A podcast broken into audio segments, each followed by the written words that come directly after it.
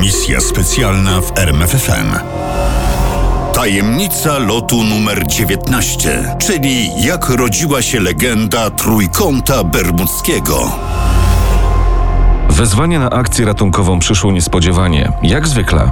13 ludzi załogi łodzi latającej Katalina zajęło miejsca w samolocie. Zbiorniki paliwa były pełne. Zapowiadał się długi wieczór. Pilot uruchomił silnik i parę minut po godzinie 6 wieczorem 5 grudnia 1945 roku samolot potoczył się po pasie startowym lotniska Fortu Lauderdale na Florydzie.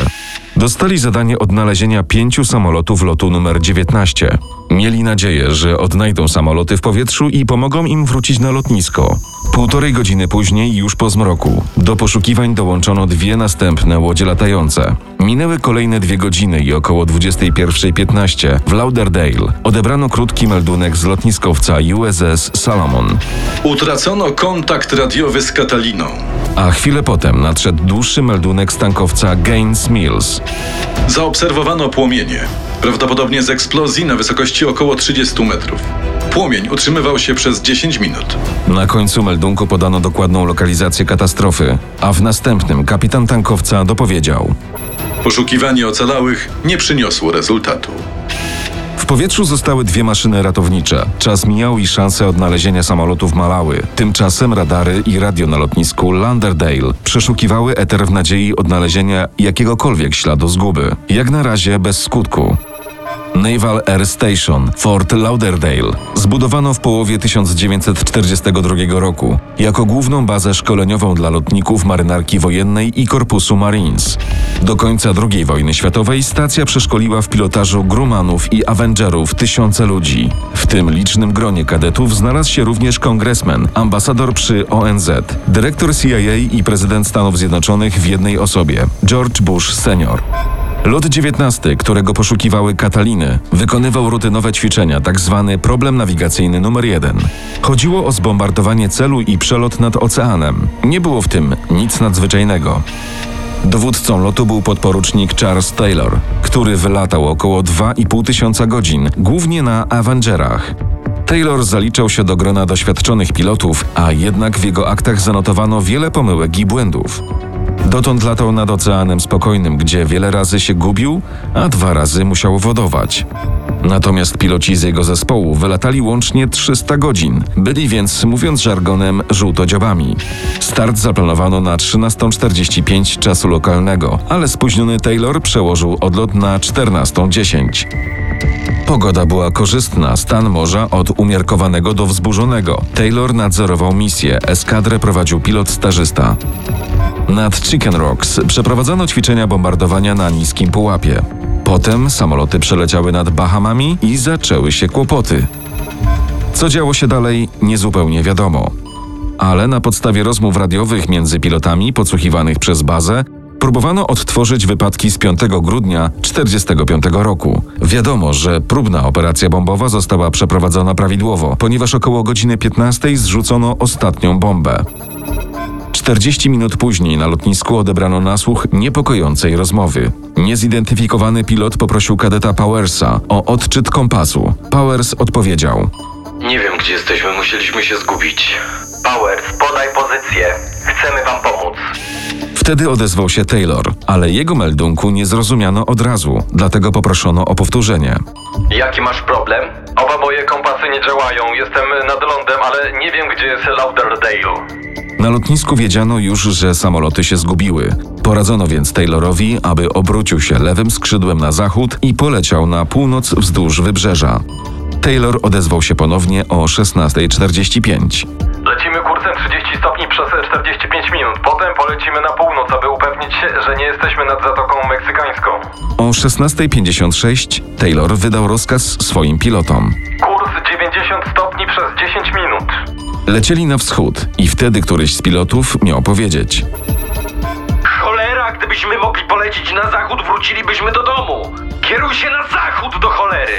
Później w czasie śledztwa ta emocjonalna wypowiedź wywołała pytanie: Dlaczego studenci nie udali się po prostu na zachód na własną rękę? Wyjaśniono, że można to przypisać dyscyplinie wojskowej. Tymczasem pogoda się pogorszyła, rwał się kontakt radiowy. Mimo to w bazie starano się odnaleźć pozycje samolotów. Uważano, że zguby znajdowały się ponad 200 mil morskich na wschód od Florydy. Będziemy lecieć 270 stopni na zachód do wyjścia na ląd lub wyczerpania paliwa. Meldował Taylor. Była 17.24. O 17.50 kilka stacji wychwyciło położenie maszyn. Samoloty leciały po północnej stronie Bahamów, daleko od Florydy. Po godzinie 18.10 pogoda się pogorszyła. Słońce zaszło. 10 minut później odebrano następną wiadomość nadaną przez Taylora. Wszystkie samoloty trzymają się blisko mnie. Będziemy musieli wodować, chyba że znajdziemy jakiś ląd. Kiedy paliwo w pierwszym samolocie spadnie poniżej 10 galonów, schodzimy wszyscy razem. To była ostatnia wyłapana wiadomość od Taylora. Potem próbowano go wywołać, lecz bez skutku. Śledztwo rozpoczęto zaraz po tajemniczym zniknięciu samolotów. Trwało kilka długich miesięcy. Na koniec przygotowano 500-stronicowy raport. Przede wszystkim stwierdzono, że łódź latająca Katalina wybuchła w powietrzu i nie był to pierwszy taki przypadek. Natomiast w kwestii lotu numer 19 stwierdzono, że dowódca podporucznik Taylor błędnie określił położenie eskadry samolotów. W raporcie zauważono, że niektórzy piloci prawdopodobnie znali swoją przybliżoną pozycję. Wskazywały na to transmisje radiowe, w których stwierdzano, że lot na zachód doprowadzi ich na Florydę. W konkluzji napisano: Taylor nie był winny, ponieważ kompasy w samolocie przestały działać. Zauważono jednak, że gdyby lot 19 znajdował się tam, gdzie sądził Taylor, wylądowaliby na wybrzeżu Florydy w ciągu 20 minut. W takim razie, gdzie znajdowała się eskadra Taylora? Późniejsza rekonstrukcja zdarzeń wykazała, że Taylor faktycznie poprowadził samoloty daleko na północny wschód. A zatem wyspy widziane przez Taylora to prawdopodobnie Bahamy. Co więcej, w bazie Lauderdale powszechnie wiadomo było, że jeśli pilot kiedykolwiek zgubi się w tej okolicy nad oceanem, powinien lecieć kursem 270 stopni, czyli na zachód.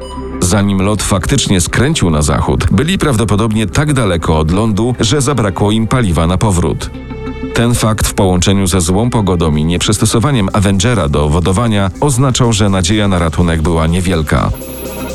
Gdzie w takim razie znajdowały się samoloty podczas katastrofy? Po pierwsze, Taylor doleciał dalej na północny zachód niż się spodziewał. Po drugie, zupełnie niepotrzebnie trzy razy zmieniał kurs, przez co ciągnął załogi samolotów tam i z powrotem. W końcu w jego samolocie zabrakło paliwa i mógł rozbić się w oceanie gdzieś na wschód od Florydy. Gdzie dokładnie? Nie wiadomo. Połowie lat 60. w pobliżu miasta Sebastian na Florydzie marynarka wojenna znalazła wrak samolotu z dwoma ciałami w środku. Początkowo stwierdzono, że jest to samolot lotu 19, ale później wycofano się z tego oświadczenia. W 1986 roku, podczas poszukiwań wraku promu kosmicznego Challenger, u wybrzeży Florydy znaleziono wrak Avengera. Cztery lata później archeolog John Mayer podniósł ten wrak z dna oceanu.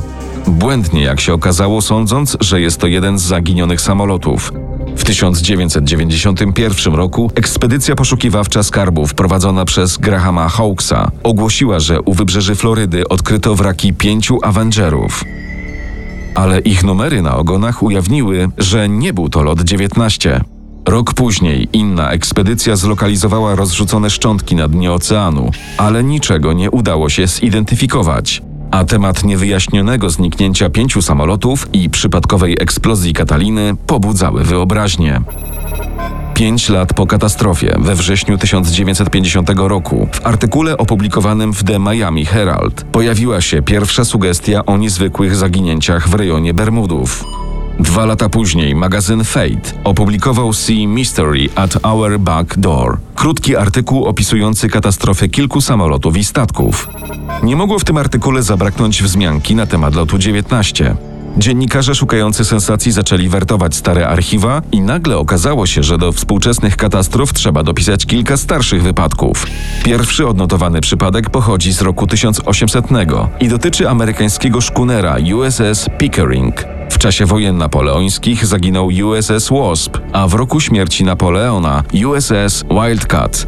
Te trzy przykłady to dopiero początek listy liczącej 25 pozycji, z czego 10 dotyczy wypadków lotniczych, a jeden incydentu na lądzie. Reszta to wypadki morskie. Ostatnia katastrofa wydarzyła się całkiem niedawno, 15 maja 2017 roku. Prywatna awionetka znajdowała się na wysokości 24 tysięcy stóp, kiedy zniknęła z radaru kontrolerów ruchu lotniczego w Miami. Tak pojawiła się legenda trójkąta bermudzkiego, a hipotezy o paranormalnych przyczynach wypadków znajdowały coraz więcej zwolenników.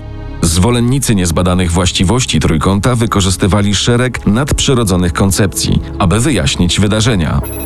Jedno z wyjaśnień obwinia pozostałości technologii z mitycznej Atlantydy. Inni wysuwają hipotezę, że w trójkącie bermudzkim dochodzi do zakrzywienia czasoprzestrzennego, które wciąga statki i samoloty do wszechświata równoległego.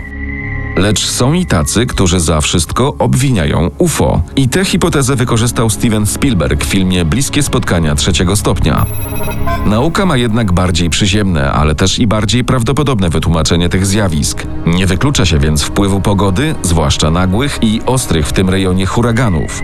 Właściwym przykładem na potwierdzenie tej hipotezy jest wypadek statku Pride of Baltimore z 14 maja 1986 roku.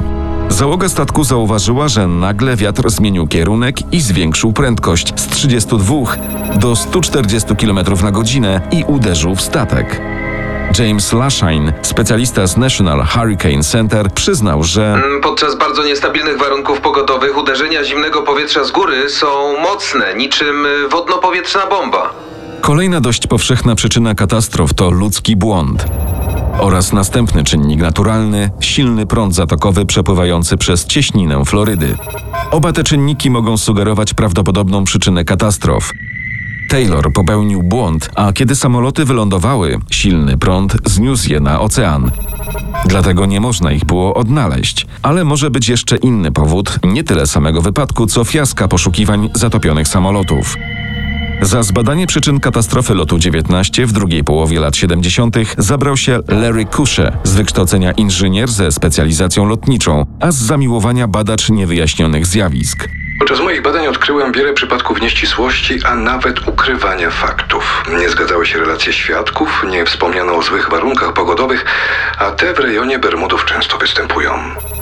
W 1980 roku Kusche napisał książkę dotyczącą zaginięcia lotu 19. Przestudiowałem raport marynarki wojennej z dochodzenia, przeprowadziłem wywiady z ludźmi, których zaangażowano w akcję poszukiwawczą i sam przeleciałem prawdopodobną trasą zaginionych samolotów. Z badań Kusza okazało się, że Taylor był pewien, że znajduje się nad Zatoką Meksykańską, dlatego uparcie kierował samoloty na północ. Tymczasem Obliczono przybliżoną pozycję samolotów na podstawie kontaktu radiowego. Lot 19 znajdował się gdzieś na ogromnym obszarze. 200 do 400 mil na północ od Bahamów i 60 do 260 mil na północny wschód od przylądka Canaveral. czyli nad oceanem, nad którym już kładła się zasłona nocy i nadchodziła burza. A następnego dnia przyszedł sztorm. W takich warunkach akcja poszukiwawcza była w zasadzie niemożliwa. Kiedy przyjrzymy się dokładniej przyczynom innych katastrof, czy to tych z XIX czy z XX wieku, zobaczymy, że ich cechą wspólną są złe warunki pogodowe, sztormy i huragany. Dlatego na podstawie przeprowadzonych badań Larry Kusche twierdzi, że Trójkąt był sfabrykowaną tajemnicą, a mówiąc wprost, było to oszustwo. Jedno z najbardziej rozpowszechnionych oszustw, do jakiego kiedykolwiek doszło. Misja specjalna w RMFFM. Na tropie największych tajemnic historii.